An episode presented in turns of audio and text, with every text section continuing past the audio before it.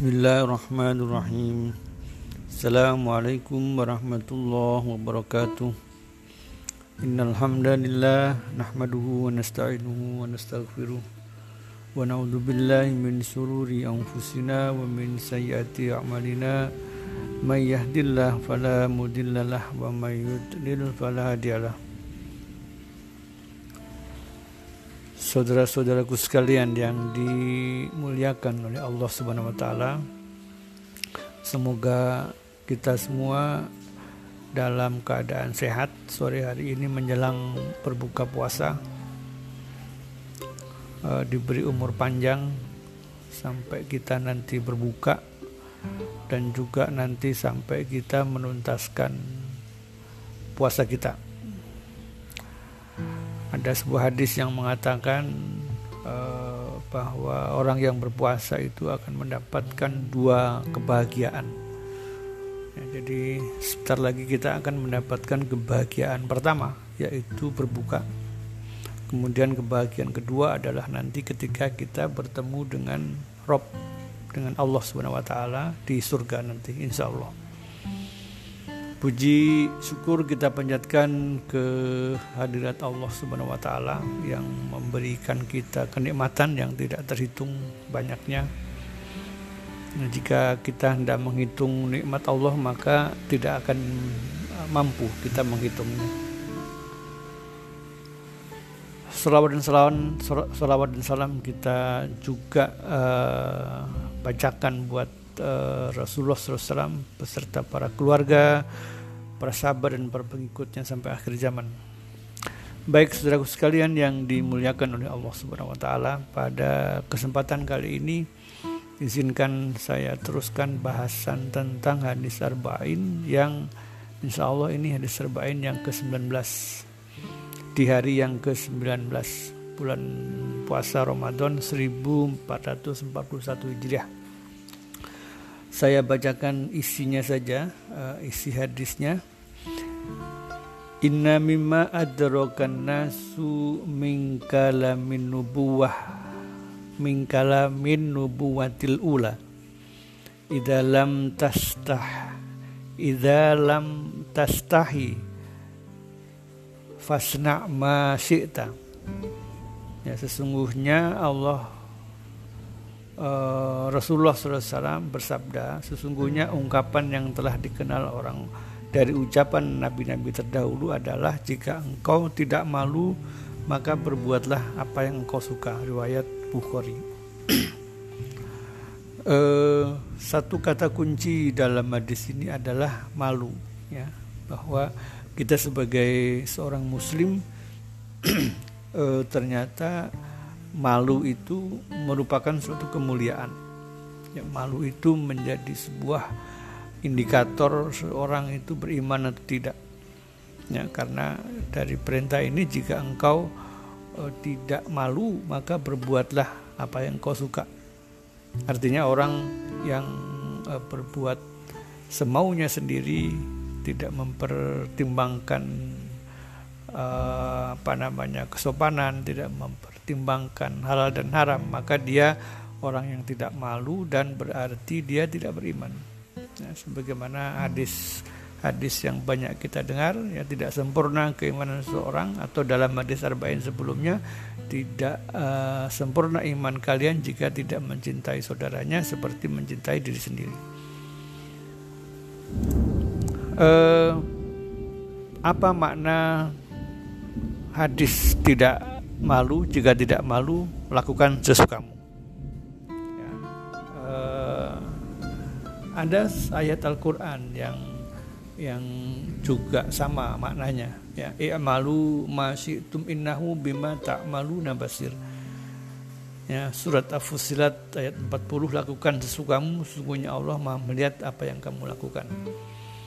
Ya jadi ini sebetulnya ter, ter, ter, terkandung makna ancaman ancaman kepada kita bahwa kalau kita tidak mempunyai rasa malu maka kita akan uh, melakukan apa saja dan uh, tentu akan menjadi sebuah perbuatan dosa dan nanti akan uh, dibalas oleh Allah dengan siksa di neraka ya, kalau tidak sempat bertobat. Jadi itu makna eh, kalimat yang pertama. Ya, makna pertama dari hadis jika tidak malu lakukan sesuatu. Yang kedua apa? Yang kedua itu bisa berarti perintah, ya, namun bermakna kabar. Perintahnya apa? Ya, jika tidak malu maka lakukan sesuatu. Berarti adalah uh, makna kebalikannya.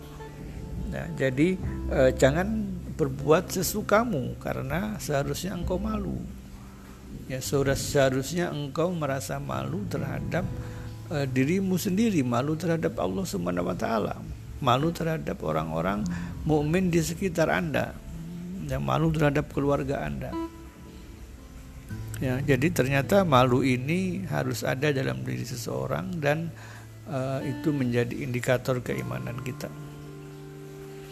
Dan pada bagian pertama dari hadis tadi disebutkan bahwa itu adalah warisan para nabi terdahulu. Ya, nubuwatil ula yaitu eh, kenabian pada masa yang lalu.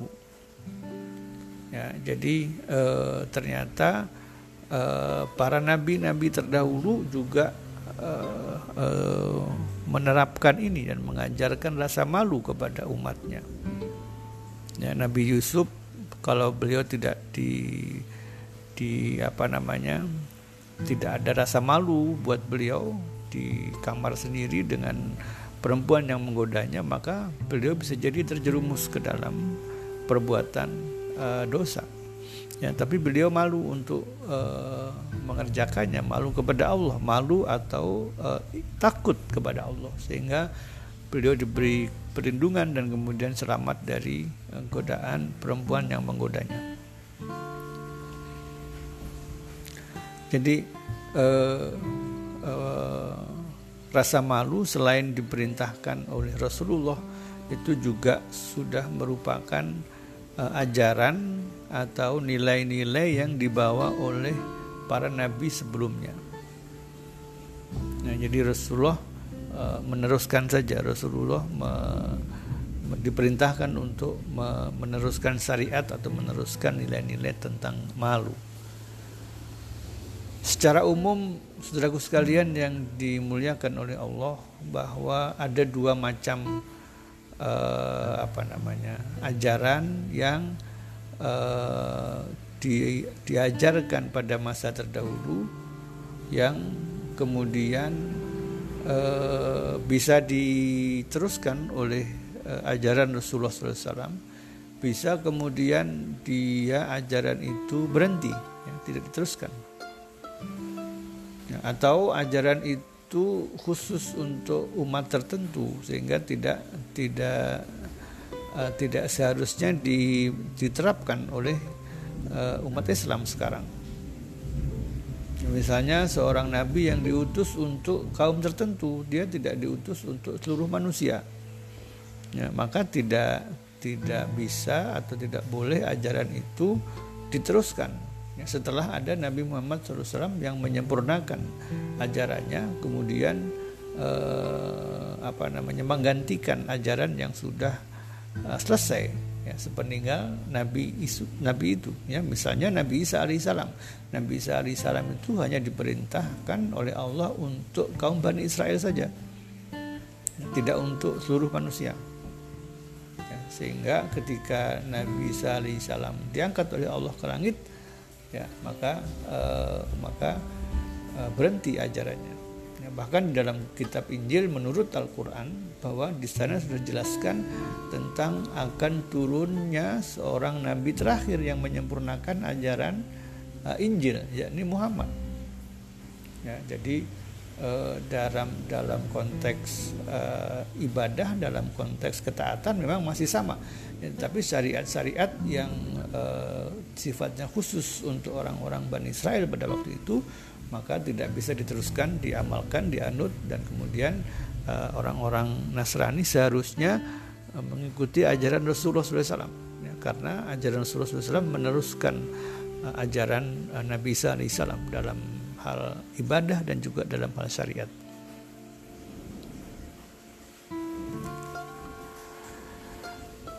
Baik eh, saudara sekalian yang dimuliakan oleh Allah Subhanahu wa taala. Jadi tadi di awal disampaikan bahwa eh, ternyata malu ini konteks malu ini adalah merupakan juga konteks keimanan.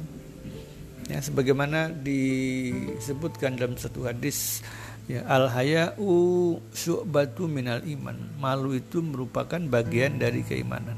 Ya artinya kalau dia malu untuk melakukan maksiat tentunya maka itu adalah tanda keimanannya. Ya, rasa malu ini juga akan mendapatkan pahala mendapatkan pujian dari Allah Subhanahu Wa Taala. Ya, dalam satu riwayat uh, hadis riwayat Abu Daud juga dikatakan Inna Allah Azza wa Jalla Hayyun Sitairun yuhibbul haya'a wassatra fa idza tasala ahadukum faljas uh, tair faljastatir sesungguhnya Allah itu maha malu dan maha menutupi. Allah cinta kepada sifat malu dan tertutup. Maka jika salah seorang di antara kalian itu mandi maka hendaklah menutupi diri. Ini contoh saja bahwa uh, Allah itu adalah uh, mengatakan bahwa Allah itu adalah maha malu, maha menutupi. Ya, sehingga sepatutnya manusia juga e, memiliki rasa malu. Ya, ketika mandi ditutup. Kalau ada aib ditutup. Kalau ada aurat ditutup. Ya, menutupi diri dari keburukan yang bisa dilihat oleh orang lain. Ya, atau tidak mengungkapkan keburukan yang ada pada diri kita kepada orang lain atau tidak melakukan sebuah kehinaan karena kehinaan itu harusnya ditutupi, bukan dibuka, eh, bukan diungkapkan. Ya. Ulama membedakan dua hal ya jenis-jenis malu itu ya malu eh, terhadap pelanggaran hak-hak manusia kemudian malu kepada Allah ya jadi dalam hubungan sosial ketika uh, kita punya uh, teman, punya saudara ya yang uh, kita tidak ingin uh, bahwa keburukan kita diketahui oleh orang lain. Kita ingin menjaga persatuan umat, kita ingin menjaga kerukunan keluarga, hubungan silaturahmi ter, terjamin. Maka uh, seharusnya kita menjaga diri, ya, menjaga diri supaya eh, apa namanya kehormatan diri kita yang juga merupakan kehormatan keluarga kita. Nah, ke kehormatan diri kita juga merupakan kehormatan komunitas kita, kelompok kita. Artinya kalau satu orang di keluarga melakukan sebuah uh, perbuatan hina, maka keluarga itu juga akan me mendapatkan kehinaan. Ya, itu adalah jenis malu terhadap uh, sesama manusia. Kemudian malu kepada Allah, maka seharusnya kita menyadari bahwa Allah itu maha melihat, maha uh, mengawasi. Ya, jadi harusnya kita faham bahwa uh, kita tidak bisa lepas dari pandangan Allah. Kita tidak bisa keluar dari tempatnya Allah. Kita tidak bisa melarikan diri dari uh, pengawasan Allah. Nah, sehingga uh, uh, harusnya kita memiliki rasa malu yang tinggi ketika kita me me me melakukan sebuah kemaksiatan. Ya, kalau orang yang punya malu itu sebetulnya dia uh, apa jangan sampai dilihat oleh orang lain. Ya, jadi uh, adab uh, seorang muslim yang ketika dia melakukan perbuatan kesalahan ya itu uh, disimpan. Ya, demikian juga ketika kita melihat ada orang lain maka harusnya kita juga uh, simpan ya rahasia orang lain. Ya apalagi ini hak-hak Allah yang harusnya kita jaga ya. Perintah-perintah Allah yang harusnya kita jaga hubungan kita dengan Allah mestinya dilandaskan kepada prinsip-prinsip keimanan di mana tidak sedetik pun tidak sesaat pun kita lepas dari uh, apa namanya pengawasan dari Allah Subhanahu wa taala. Kemudian saudara sekalian yang dimuliakan oleh Allah, bagaimana kita bisa memupuk sifat malu? Ya, bagaimana kita meningkatkan eh, apa namanya rasa malu kita ya terhadap manusia dan juga terhadap Allah. Bukan berarti menjadi orang pemalu, ya. Karena dalam banyak riwayat kita justru diperintahkan untuk menjadi orang yang berani mengungkapkan kebenaran, berani konsisten dan berani tegas dalam kebenaran itu bukan sifat orang pemalu. Orang yang banyak bertanya tetapi dengan pertanyaan yang konstruktif, pertanyaan yang uh, menggali informasi, menggali pengetahuan itu dianjurkan. Ya, jadi bukan berarti ini uh, melarang kita untuk uh, menjadi pemberani. Ya, pemberani harus kita jadikan sebagai salah satu sifat yang mulia tetapi untuk hal-hal yang sifatnya kemaksiatan, hal-hal yang sifatnya kehinaan harusnya kita malu. Ya. Rasa malu itu adalah akhlak yang terpuji. Kita sudah memahami itu. Ya. Maka jika seorang enggan untuk melakukan kebaikan seperti ia enggan untuk nahi mungkar, ya, maka ini sifat malu yang harusnya tercela, yang tidak boleh ya saya malu ah mem mem memakai baju baju syari misalnya ya. Saya saya malu ah menasihati nanti dibilang sok alim misalnya.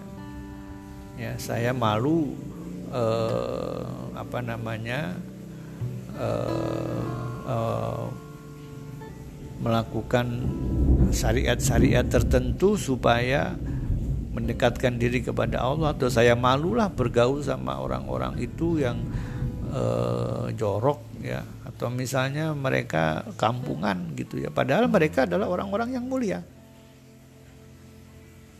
Ya jadi sedikit demi sedikit kita harus merubah ya rasa malu kita kepada hal-hal yang yang yang memang dilarang oleh Allah. Tetapi untuk hal-hal yang disyariatkan yang diperintahkan maka harusnya bukan rasa malu tetapi rasa uh, keimanan dan kemudian mendorong kita untuk uh, justru lebih semangat.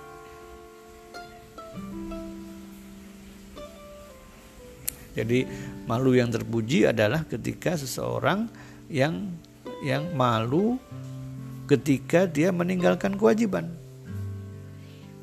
Ya, dia malu kalau eh, nggak uh, sholat jamaah di masjid Ya, dia dia malu kalau tidak sholat tepat pada waktunya. Dia malu kalau ada seorang yang memberi salam dia nggak jawab. Ya. Dan sebagainya. Ya, jadi itu sifat malu yang terpuji yang kita harus uh, pupuk dalam diri kita uh, secara terus-menerus dan dengan latihan yang intensif mudah-mudahan kita diberikan hidayah oleh Allah. Kita memiliki rasa malu kita bisa memiliki rasa kebanggaan untuk e, bisa istiqomah menjalankan perintah-perintah Allah. Dan justru kita malu untuk melakukan kemaksiatan. Demikian saudara sekalian yang dimuliakan oleh Allah sekilas pembahasan tentang rasa malu dan mudah-mudahan menjadi uh, tambahan dari pengetahuan kita dan menjadikan kita menjadi orang-orang yang malu untuk melakukan maksiat tetapi berani untuk melakukan amar ma'ruf nahi mungkar.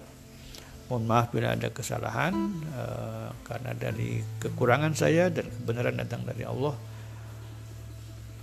Kita tutup dengan doa penutup majelis subhanaka Allahumma wa bihamdika asyhadu an la ilaha illa anta astaghfiruka wa atubu ilaik. Hadanallahu wa iyyakum wal afu minkum. Assalamualaikum warahmatullahi wabarakatuh